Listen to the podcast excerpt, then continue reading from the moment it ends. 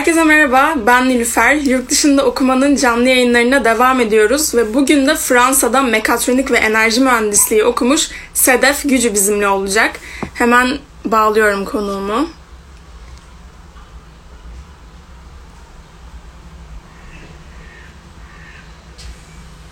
Birazcık bekleteceğim sizi.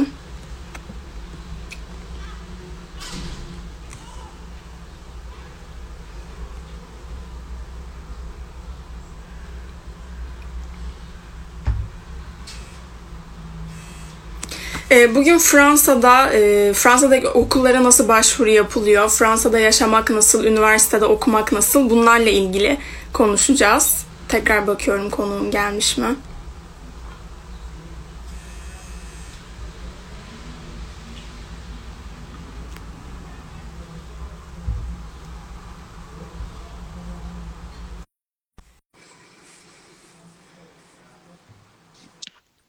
Selam. Selam, merhaba. Hoş geldin Serap. Nasılsın? Hoş buldum, iyiyim. Sen nasılsın? Ben de iyiyim. Teşekkür ederim. Ee, bir sürü soru hazırladım sana. Ee, başlamadan önce izleyicilerimize de şunu hatırlatmak istiyorum. Eğer sohbet sırasında aklınıza bir soru gelirse e, comment kısmına yazarsanız cevaplamaya çalışırız. Ee, Sedef biraz seni tanıyarak başlayalım. Şu an neredesin? Hangi üniversitelerden mezun oldun? Neler yapıyorsun? Ee, ben 26 yaşındayım. İzmir Saint Joseph Lisesi'nden mezun oldum. 2013 mezunuyum. Ee, ilk olarak bir lisans yaptım. Genel mühendislik bilimleri diye bir lisans. Amacım mühendislik okumakta ama Fransa'da birazcık değişik işliyor. Mühendislik ya ekol diye adlandırdığımız e, şeyler var ya da e, kampüste, fakültede okuyabiliyoruz. Ama mutlaka masterla tamamlamamız gerekiyor ki mühendis olabilelim eğer fakültede yaptıysak. İkisi de 5 yıllık eğitimler. Ben de onun için 3 yıllık lisansımı tamamladıktan sonra 2 yıllık mekatronik ve enerji diye ayrılan bölümden e, mühendisliğe devam ettim. 2 yıldır bir şirkette enerji, yenilenebilir enerji mühendisi olarak yani araştırma ve geliştirme mühendisi olarak çalışıyorum. Strasbourg'dayım. E, geldiğimden beri hep Strasbourg'daydım. Okulumu da burada tamamladım. E, burada da çalışıyorum. Öyle. Peki e, lisede okurken mühendislik okumak istediğini biliyor muydun? İstiyor muydun yani hep mühendislik okumayı? Aslında ilk başta e, ben biyoloji okumak istiyordum, deniz biyolojisi. Benim de babam bana e, bunu Fransa'da okumam gerektiğini tavsiye etmişti. Onun üstüne zaten Joseph'e yazıldım. E, ama sonradan fikir değiştirdim, mühendis olmaya karar verdim. Ama hala Joseph'te olduğum için bir de normal bir Anadolu Lisesi'nden vesaire gitmek, yurt dışına gitmek daha zor olacağı için bu fırsatı değerlendirmek istedim. Yine de Fransa'ya gelmeye karar verdim. Geldiğim yani İzmir Joseph Lisesi'ne yazıldığım andan itibaren yurt dışına gideceğimi biliyordum yani amacım oydu. Kabul gelirse. Ee, öyle. Peki birazcık hatırlıyorsan eğer başvuru süreci nasıldı senin için? Yani zorlu bir süreç miydi? Çok uzun süre bekledin mi? Ee, beklediğin üniversitelerden mi kabul aldın yoksa bu, bu üniversiteden nasıl kabul aldın falan dediğin oldu mu hiç? Bizim zamanımızda üç tane okula başvurabiliyorduk. Şu an nasıl bilmiyorum. Ama üç okuldan benim ilk iki başvurduğum okul mektupla alıyordu. Diğerleri internet üstünden hallediliyordu galiba. Ben de ilk olarak bir Strasbourg yazmıştım. iki e, Lyon yazmıştım. Üç de Evry, Paris'in birazcık altında bir yer yazmıştım. E, stresli oldu biraz çünkü ben dershaneye gitmedim. Ee, babam birazcık o sistemlere karşıydı. O zaman dershane vardı. Dershanesiz de birazcık e, iyi üniversiteye girmek zordu. Öyle olunca üstümde çok fazla stres vardı. Dershaneye gitmeden hem um, LYGS ile LYS'ydi galiba. Evet, Onlara çalışmam gerekti. Hem de çok merak ediyordum ya red gelirse ne olacak diye. Um, dönem yani zaman biraz stresli geçti ama hocalarımız yardımcı olmuştu. İşte nasıl yapılıyor başvurular vesaire çok yardımcı olmuşlardı. Özellikle e, Monsieur Sebastian vardı. Hala olması lazım İzmir Saint O çok yardımcı olmuştu. Ama beni biraz kafam karışmıştı çünkü Fransa'da mühendisliği ekole gitmezsen okuyamazsın. E, ekole de Türk öğrenci olarak girmek çok zor demişlerdi. Ben ona rağmen bir şey buldum ve um, fakültede yani bulup ona inatla oraya yolladım yani ama risk almıştım aslında. E, ne zaman başvurduk? Galiba Şubat gibi falan başvurmuştuk. Çok hatırlamıyorum. Nisan gibi falan da cevap gelmişti. Normalde bir tanesinden gelebiliyor. E, internet üstünden başvurduğum zaman diğerleri otomatik olarak bloke oluyor alt sıradakiler. Ama ben mektupla başvurduğum için şöyle bir şansım olmuştu. Mektupla internet üstünden yapılanlar birbirinden bağımsız olduğu için Strasbourg'dan kabul gelmişti önce. Daha sonra Lyon'dan da gelmişti. O zaman çok içim rahatladı. Çünkü Lyon internet üstünden kabul ediyor Strasbourg mektupla. Öyle o beni rahatlatmıştı. Peki kabulün geldikten sonra konaklama işini nasıl hallettin? Herhangi bir ajanstan yardım aldın mı yoksa kendin böyle yurtları mı araştırdın? Ne yaptın o konuda? E, o zaman Saint Joseph'te um, o zaman vardı. Sonra kaldırdılar galiba. Bir tane öğrenciye burs veriliyordu. Yurt dışına gidecek işte üst sıralamalardan birine.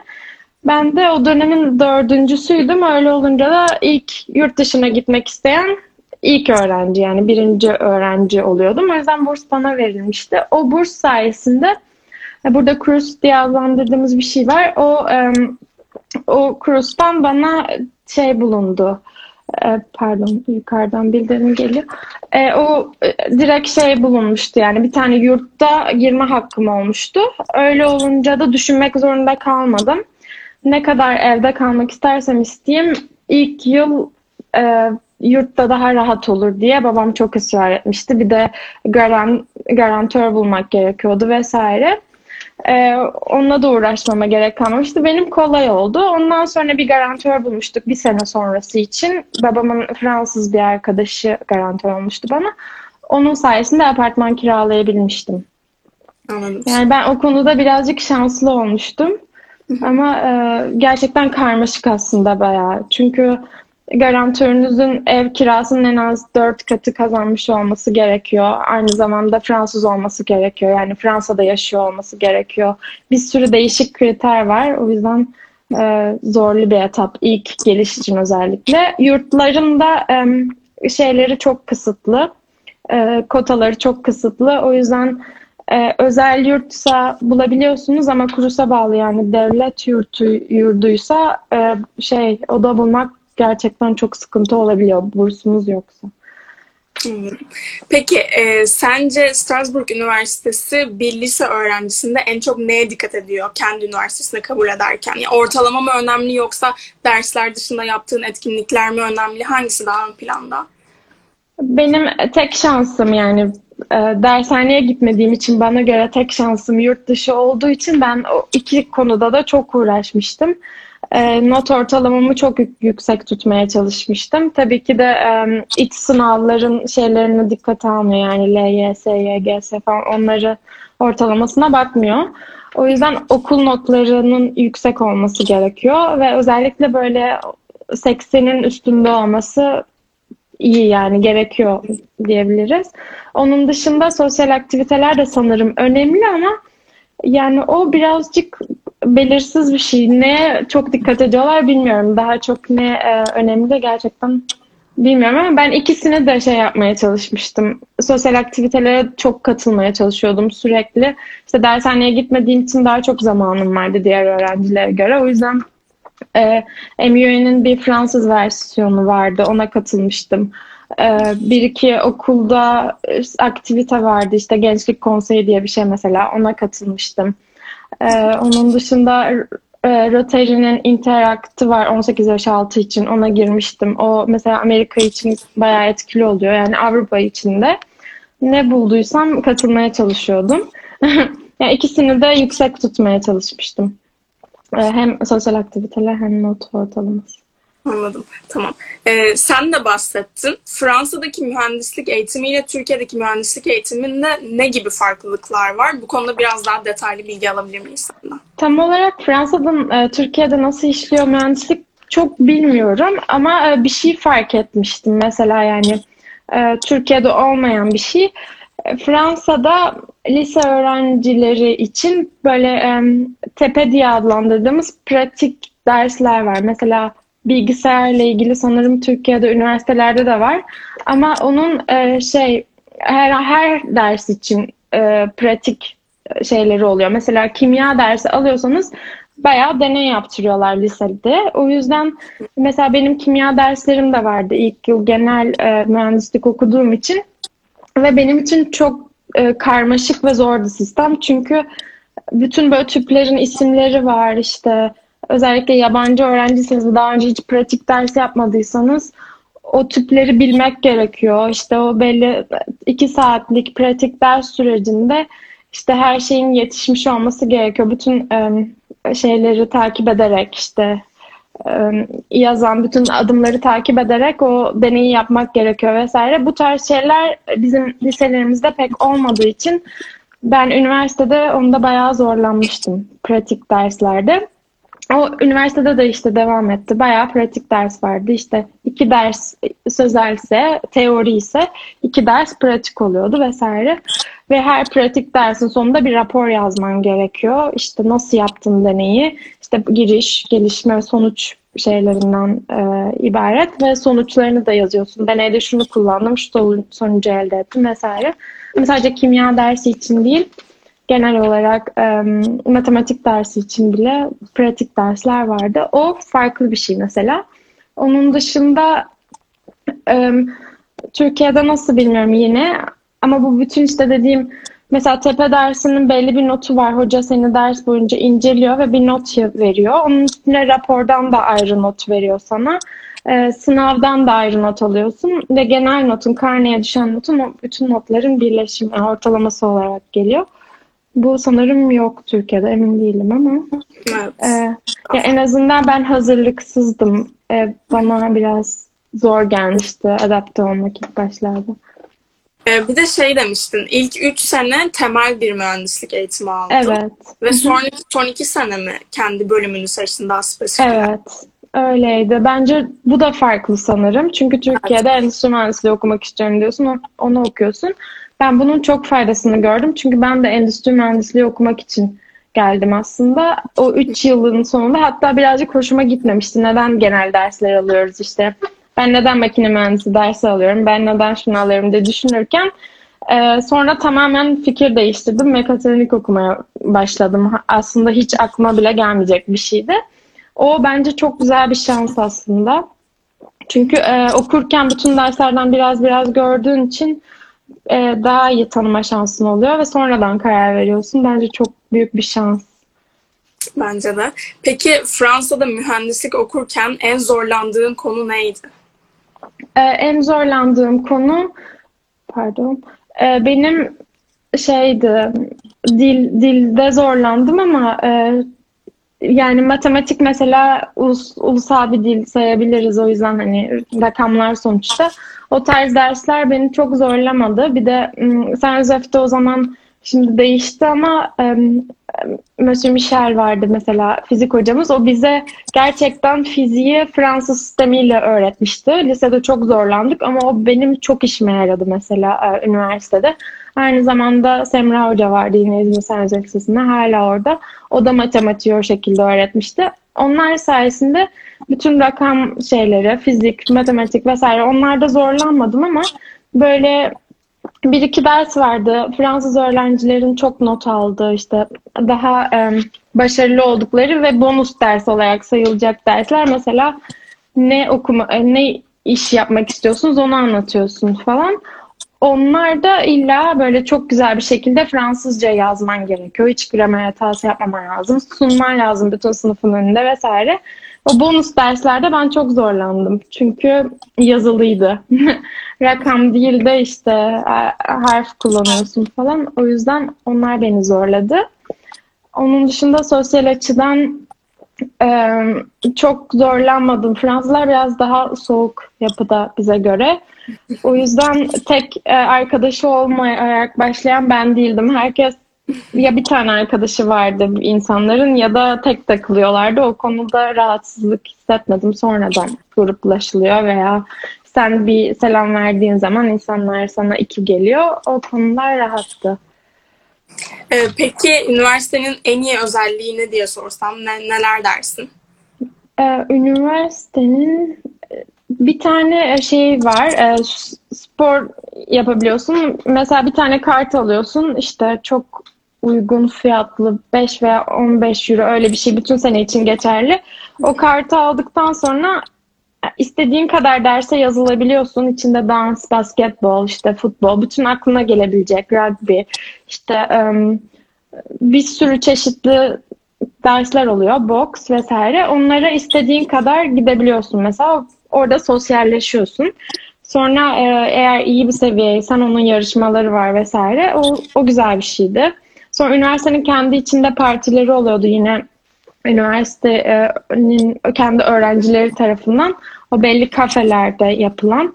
Onlar çok güzeldi. Şehir çok küçük ama çok güzel ve çok rahat küçük olduğu için çoğu şey öğrenciler için kolaylaştırılmış ve uygun fiyatlı. Mesela e, burada apartmanlar için her öğrenci devletten belli bir miktar yardım alıyor. Benim mesela kiramın yüzde yirmisini falan karşılıyordu veya 25 daha bile fazla olabilir. O çok iyi bence. Yani fiyatlar iniyor öğrenciler için. E, ulaşım çok kolay. Her yere tramvay gidiyor. Gitmese bile küçük bir şehir düz olduğu için de bisiklet kullanımı çok fazla. E, bunlar herhalde en çok hoşuma giden yanları. Bir de dediğim gibi o pratik dersleri, dersler seni çok şeye hazırlıyor ve gerçek hayata hazırlıyor. Teori öğrenip de gidip kendini alakasız bir yerde bulmuyorsun. Birazcık görmüş oluyorsun. Zorunlu stajlara yardım ediyorlar bulmana. Yine küçük bir şehir olduğu için ve mühendislikte çok fazla öğrenci olmadığı için şirketler okula söylüyor işte bu kadar kotamız var stajyer arıyoruz diye okul seni yerleştiriyor mesela lisansta. Master'da kendin buluyorsun ama o da güzel bir imkandı. Sen aynı üniversitede mi master yaptın? İkisi de aynı üniversite. Tamam. Ee, bir de şey soracaktım. Yenilenebilir enerji üzerine çalışıyorsun. Evet. Sence Türkiye ve Fransa arasındaki iş imkanları ne gibi değişiklikler gösteriyor? Ee, yenilenebilir enerji olarak e, Fransa çok gelişmiş bir ülke değil aslında. Almanya daha çok daha gelişmiş. Amerika çok iyi bu konuda. Özellikle güneş enerjisi konusunda. Ee, Türkiye'de şu an çok fazla önem verilmiyor sanırım ama gitgide artıyor. Ve Türkiye'deki imkanlar çok daha fazla hem rüzgar açısından hem güneş açısından. Ee, burada belli yerlerde, güneyde güneş var mesela ama yukarı taraflarda yok. Türkiye'de çok büyük bir imkan var. Eğer üstüne çalışılın, çalışılırsa e, bence Türkiye bu konuda çok daha e, hızlı bir şekilde gelişebilir. Ama ben e, açıkçası Fransa'yı bunu okumak için önermem. Çünkü ben biraz pişman oldum. Bunu daha gelişmiş bir ülkede öğrenip Fransa'da uygulamak iyi bir fikir ama Fransa'da öğrenmek çok da iyi bir fikir değil bence. Peki e, birazcık girdin ama ben yine merak ettiğimden soruyorum. Strasbourg'da okumak ve o şehirde yaşamak e, nasıl bir duyguydu? Okumak e, güzeldi. Okumak gerçekten aslında eğlenceliydi. Çünkü benim sınıf arkadaşlarım çok samimilerdi. Çok komik, eğlenceli insanlardı. E, mühendislik olarak e, seviye olarak eğitimin çok çok iyi olduğunu düşünmüyorum ama kendi çapında yine yani çok şey öğrendik ve çok farklı yerlerden bir şeyler öğrendik. O yüzden iyiydi. öğrenciliğim o yüzden rahat geçti aslında. Çok böyle size imkanlar veriyorlar sosyal sosyalleşmeniz için. Çünkü grup grup oluyor birçok pratik ders raporu vesaire birlikte yazıyorsun. Ondan sonra iyi bir sınıfa düşmüştüm. Sürekli sosyal aktiviteler yapıyorduk birlikte öğrencilik genel olarak güzel geçti. Yani çalışma hayatından daha eğlenceliydi. Küçük olduğu için kolaydı. Belli minik bir çevren oluyor. Onlarla program yapıyorsun vesaire. Ama e, işe başladığın zaman biraz herkes başka yerlere gitmeye başladı. Fransa, e, Strasbourg'da çok iş imkanı yok. Özellikle e, benim o imkan benim şu anki mesleğimde yok. Çünkü güneş yok. Ben e, daha çok güneş alanındayım. Rüzgar da çok yok. Rüzgar olsa da gün, şey rüzgar panel e, tribünü koyamıyoruz. Bir alan yok vesaire. E, onun dışında çoğu alanda da çok fazla iş yok. O yüzden çoğu dağıldı. E, iş olarak çok önemli, önermem ama eğitim olarak bence çok kolaydı yani. Çoğu şey e, imkan çok rahattı yani. Güzeldi. Tamam. E, peki bir de şunu soracağım. Fransızca hazırlığı var mı üniversitenin? Yok. Fransızca biliyor olman gerekiyor gelmek için veya dil okuman gerekiyor. Ve e, şöyle bir şey oku beni çok şaşırtmıştı. Mesela hocaların sen yabancısın diye sana e, seni çok anlamıyor. Yani anlayışla karşılamıyor hata yaptığın zaman. İlla Fransız gibi konuşman lazım. Hata yapmaman lazım vesaire. Biraz şey katılar o konuda. E, ama dil yani bilmek gerekiyor gerçekten. Başka Türk öğrenciler var mıydı üniversitede? Benim evet vardı ama genellikle burada doğup büyümüş olan, Türkçesi çok olmayan, Fransız daha iyi olan kişiler vardı. Ama çok fazla değil yani yüzde bir falan. Bilemedin iki benle birlikte yüzde iki falandı. Yani çok çok. Hı hı. Ee, peki Strasbourg pahalı bir şehir mi? Strasbourg Paris'e göre ucuz. Um, Nice falan, Lyon onlara göre belki biraz daha ucuz. Ama e, ne çok ucuz ne çok pahalı. Ev kiraları mesela Paris'e göre çok uygun. Ama Lyon, Bordeaux, Nice onlara göre hemen hemen aynı. Belki biraz daha uygun, ucuz. Peki e, demiştin ya hani yani enerji mühendisliği belki başka bir yerde okunabilirdi diye. Hı hı. Almanya dedin. Başka var mı böyle tavsiye verebileceğin şehir ya da okul? Amerika var kesinlikle. Özellikle Kaliforniya bölgesinde. Çünkü um, güneşle ilgili çok fazla şey var. Um, aynı zamanda elektrikli araçlarda bir dalı sayılıyor um, güneş enerjisinin. Yani e, şeylerden, pillerden dolayı vesaire. O yüzden Amerika var. Onun dışında rüzgarla ilgili yenilenebilir enerji için Danimarka, Norveç, İsviçre o taraflarda bayağı gelişmiş. Ee, Almanya demiştim. İspanya iklim açısından uygun. Ee, ama İspanyolca bilmek gerekiyor çoğu okul için. Fransa'nın avantajı burada e, Almanya'da öyle gerçi ama e, ücretsiz sayılacak kadar düşük e, yani eğitim. Ama Amerika'ya gitmek istersen çok fazla, e, çok pahalı. Almanya'da sanırım değişiyor. Ee, İs İsveç'te de galiba paralı. O yüzden yani avantajlı aslında. Ama çok gelişmiş değil. Peki e, Türkiye'de mühendislik üzerine lisans eğitimi almış biri mesela senin üniversitene yüksek lisans yapmak için gelebilir mi? Gelebilir. Ve yenilenebilir enerji üzerine yüksek lisans yapabilir. Yapabilir. Benim bölümümün ismi mekatronik ve enerji mühendisliği diye geçiyordu. Yani makine, elektronik ve enerji mühendisliği aslında üçü bir, bir arada. Ondan sonra istediğine yönelebiliyorsun. İstiyorsan mekatronik, istiyorsan makine, istiyorsan elektro elektronik, istiyorsan da enerji. Ben enerjiyi seçtim ama e, yenilenebilir enerji diye bir şey benim okuduğum yerde yok. Yani e, enerji mühendisliği diye bir şey var. Ee, o da benim fakültemde değil ama bir ekol, INSA diye bir yer var. Mesela ekol sayılıyor. Orada yapabilirsin. Sonradan gelebilirsin. Ben hiçbir farkını görmedim aslında. Sanki lisansa devam ediyormuş gibi oldu master olunca yani. ikisinin arasında pek bir fark olmadı. O yüzden sanırım başvuruları da çok benzer şekilde yapılıyor. Her lisansa başvurmuşsun, hem master'a başvurmuşsun. Aynı gidiyor. Peki senin gibi bir e, eğitim ya da senin gibi bir kariyer isteyen öğrencilere ne gibi tavsiyeler verirsin?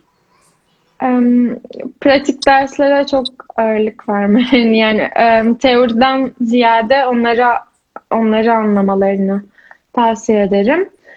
Um, mutlaka zorunlu veya zorunlu olmayan stajlara girmelerini başvururum.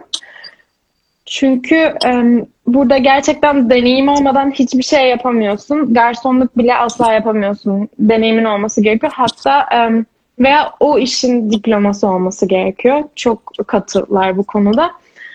O yüzden e, mesela ben master'ım iki yıllıktı. İkinci yıl ya proje yapıp bir, birazcık de, kalanında da e, staj yapıp, yapma şansımız vardı veya alternans dediğimiz bir şey var. Yarı zamanlı çalışıyorsun, yarı zamanlı okula gidiyorsun.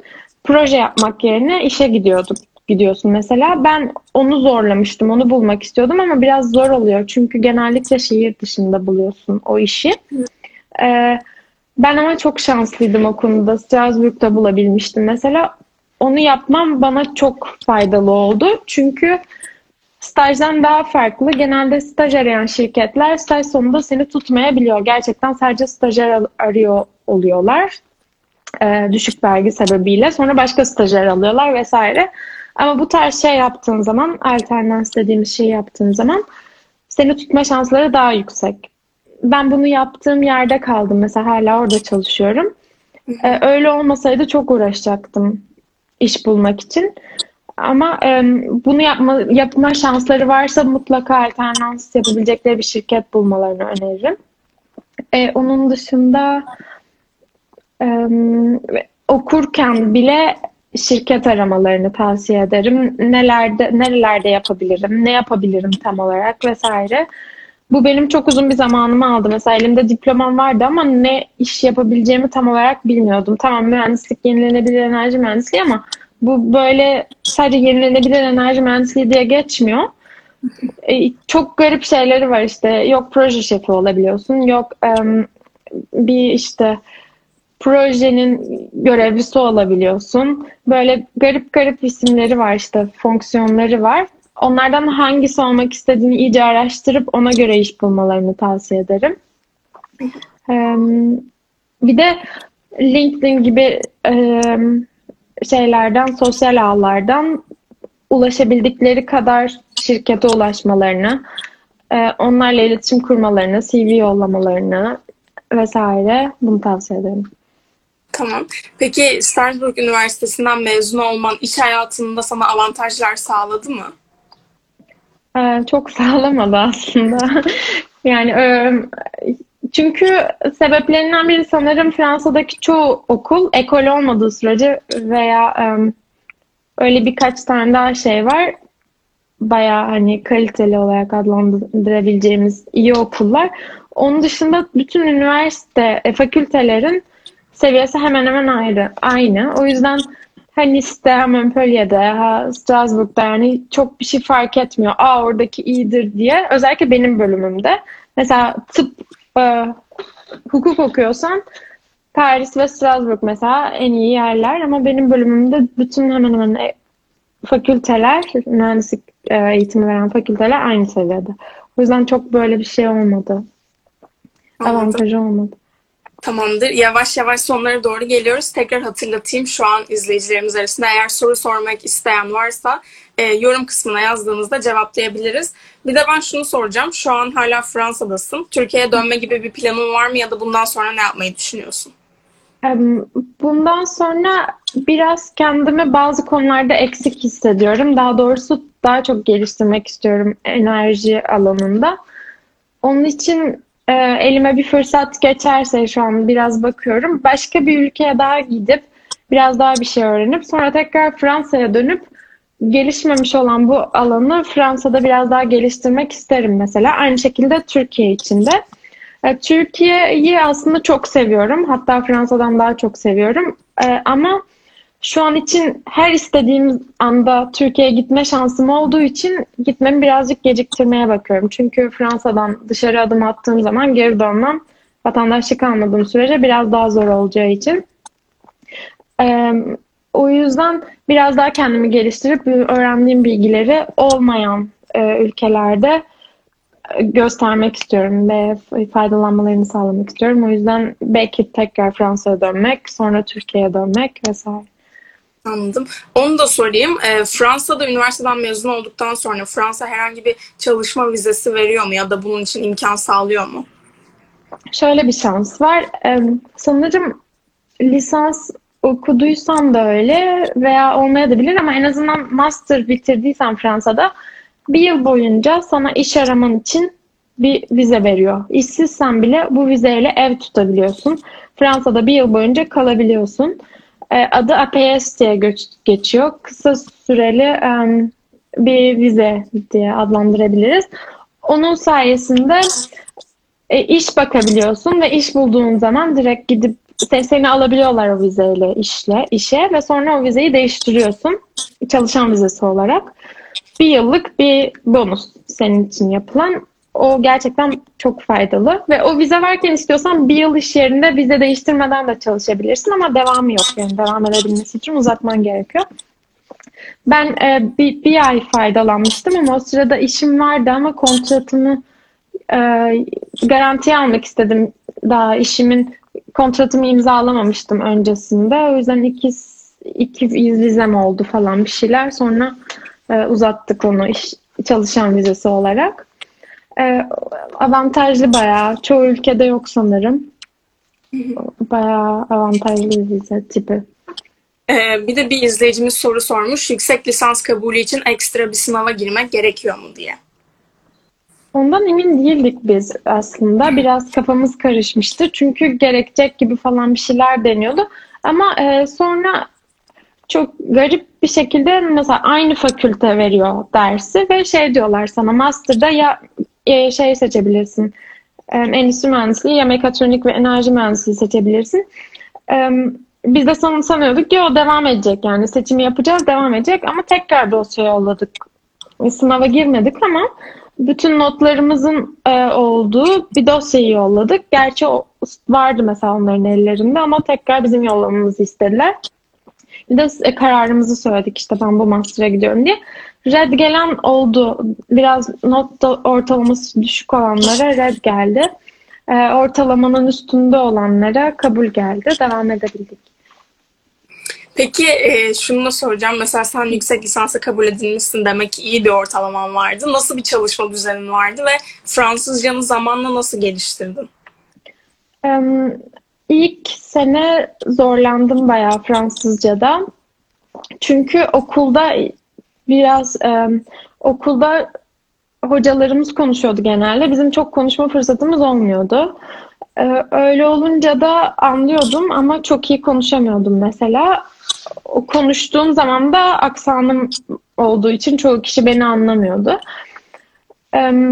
sonra zamanla ilk üçüncü ay, ayın sonunda güzel bir arkadaş grubum olmuştu. Böyle 10 kişilik falan hepsi Fransızca, hepimiz çoğumuz farklı ülkelerdendik ama Fransız olanlar da vardı. O yüzden Fransızca konuşuyorduk aramızda. O çok yardımcı oldu. Yani o üç ayın sonunda hatta üç, üç ayın sonunda benim arkadaş grubum olmuştu ama bir ayda, bir buçuk ayda çok değişti. Yani bana hem kendime güven geldi konuşma konusunda hem insanlar beni anlamaya başladı vesaire. Yani arkadaş ortamı çok önemli. O yüzden ben hep bana hep şey dendi. Türk gruplarına girmemeye çalış. Türk gruplardan uzak durmaya çalış. İnsan yalnız bile kalsa ben birazcık şey bana şey dendi yalnız bile kalsam girme o gruplara diye. Ben hep istiyordum çünkü çok sempatik insanlar vardı burada gerçekten e, liseden daha önce gelmiş olanlar.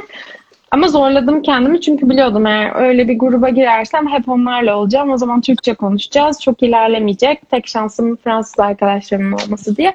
Zorladım, yalnız kaldım. 3 ay, 3 ayın sonunda arkadaş grubum oldu. Onlar beni çok geliştirdi. Not ortalamamı nasıl iyi tuttum. İlk yıl dediğim gibi matematik, fizik vesaire, e, kimya o tarz derslerden yüksek notlar alarak e, daha sözel şeyleri ortalamayla yükselterek geçtim. E, ikinci, üçüncü e, seneler Fransızcam daha iyi olduğu için daha rahat oldu. Nasıl çalışıyordum ben? E, bana şey denmişti. İlk yıl mutlaka sınıfta kalacaksın. O yüzden çevre edinmeye çalış, arkadaş edinmeye çalış. Fransızcanı geliştir ki ikinci yıl yanmasın dendi. Ben de onun üstüne sosyalleşmeye çalıştım ilk yıl. Sürekli dışarı çıkıyordum arkadaşlarım arkadaş edindikten sonra. Ama o bana çok faydalı olduğu için sınıfı geçmeme de aslında faydalı oldu. Yani ben ilk yılı yakmayı göze almama rağmen geçmiş oldum sınıfı. Sonra ikinci, üçüncü yıllar onlar biraz daha kolay oldu. Sanırım üçüncü yıl çok kolay gelmişti. Lisansın üçüncü yılı. Master'da zorlandım. Ama herkes çok zorlandı. Hepimiz çok zorlandık. Onları da çünkü pratik derslerin sayısı artmıştı. Onda nasıl çalıştım? Yani derste dersi derste dinlemek gerçekten çok önemli. Çünkü ben eve gidip tekrar yapamıyordum pek. Lisede çok çalışkandım ama master'da çok e, pardon üniversitede biraz zor yani eve gelip çalışmak zor oluyordu. Çünkü kendi yemeğini yapıyorsun, e, çamaşırını yıkıyorsun vesaire böyle bir sürü sorumluluk biniyor üstüne. Özellikle tek başına başka bir ülkede yaşıyorsan. O yüzden e, dersi derste dinlemek gerçekten çok önemli. Bence not almak çok çok önemli. Her şeyi ben not alıyordum. Hoca ne diyorsa. Tabii onun için farklı teknikler geliştirmek çok iyi oluyor. Mesela her dediğini yazmak yerine minik kelimeler yazıyorsun. Sonra eve gidince bir göz atarsan o geliyor zaten aklına. Oradaki kelime ne, ne zaman yazdın vesaire. Hemen minik bakmak o faydalı oluyor. Ee, onları tavsiye edebilirim. Çok teşekkür ederiz Sedef. Ben Rica ederim. sonuna geldim. Senin eklemek istediğin bir şey var mı? Şöyle bir şey var. Strasbourg Almanya ile sınırda olduğu için eğer burayı düşünenler varsa Almanya ile mesela bisikletle 10 dakikada gidebiliyorsun. Hiç kimse seni kontrol etmiyor. Aynı zamanda da çoğu öğrenci, ben de dahil alışverişlerini Almanya'dan yapıyor. Çünkü vergi sanırım daha düşük. Öyle olunca da fiyatlar mesela çok daha uygun. Yani Fransa'da yaşamana rağmen Almanya'dan alışveriş yapabiliyorsun. Ev alışverişi mesela. O yüzden çok uygun olabiliyor senin için. Ve e, sınırda İsviçre ile aynı zamanda işte İsviçre, Lüksemburg'a çok yakın mesela. Almanya'ya çok yakın. Öyle olması da senin çok gezmene fırsat veriyor. Her yere gidebiliyorsun. Bir buçuk saatte İsviçre'desin. 15 dakikada Almanya'dasın. Ee, bir buçuk saatte yine galiba Lüksemburg'dasın vesaire. Çok sınır e, yer olarak da çok güzel bir yer. Hava biraz kötü. Bayağı kötü. Ee, kapalı genelde. Deniz yok. Özellikle İzmir'den geliyorsan bunun eksikliğini fark ediyorsun. Öyle diyeceklerim sanırım bu kadar. Tamamdır. Bahsetmiştin ama izleyicimiz bir soru sordu. Yine birazcık böyle bahsetmek gerekirse eğer e, öğrencilik döneminizde herhangi bir işte çalıştınız mı diye sormuşlar. Ben çok iş aradım. Böyle mesela şeyden bir garsonluk veya satış yapmak çok istedim. Hem sosyalleşmek açısından hem de para kazanabilmek açısından. Ama dediğim gibi garsonluk için bile işte satış yapmak için bile mutlaka deneyim veya diploma istiyorlar. O yüzden e, olmadı o tarz bir iş ama e, staj yaptım, zorunlu staj yaptım. Türkiye'ye geldiğimde de staj yapmaya çalıştım. Bunlar çok faydalı oldu. Her bir yaptığım staj Türkiye'de bile olsa iş bulmama çok faydalı oldu mesela burada kalabilmeme. Ee, onun dışında dediğim gibi alternans dediğim şey e, master'ın ikinci senesinde yaptım onu. Onda para kazanıyorsun. E, iyi bir maaş kazanıyorsun. Neredeyse asgari ücret kadar. Yarım zamanlı çalışmana rağmen o da bana bir gelir olmuştu. Ee, onun dışında çalışmadım bu kadar. Tamamdır. Çok teşekkür ederiz Sedef. Rica Geldiğin ederim. Konuk olduğun için. Ben teşekkür ederim. Kendine iyi bak. Hoşçakal. Sen de iyi bak. Hoşçakal. Hoşçakalın.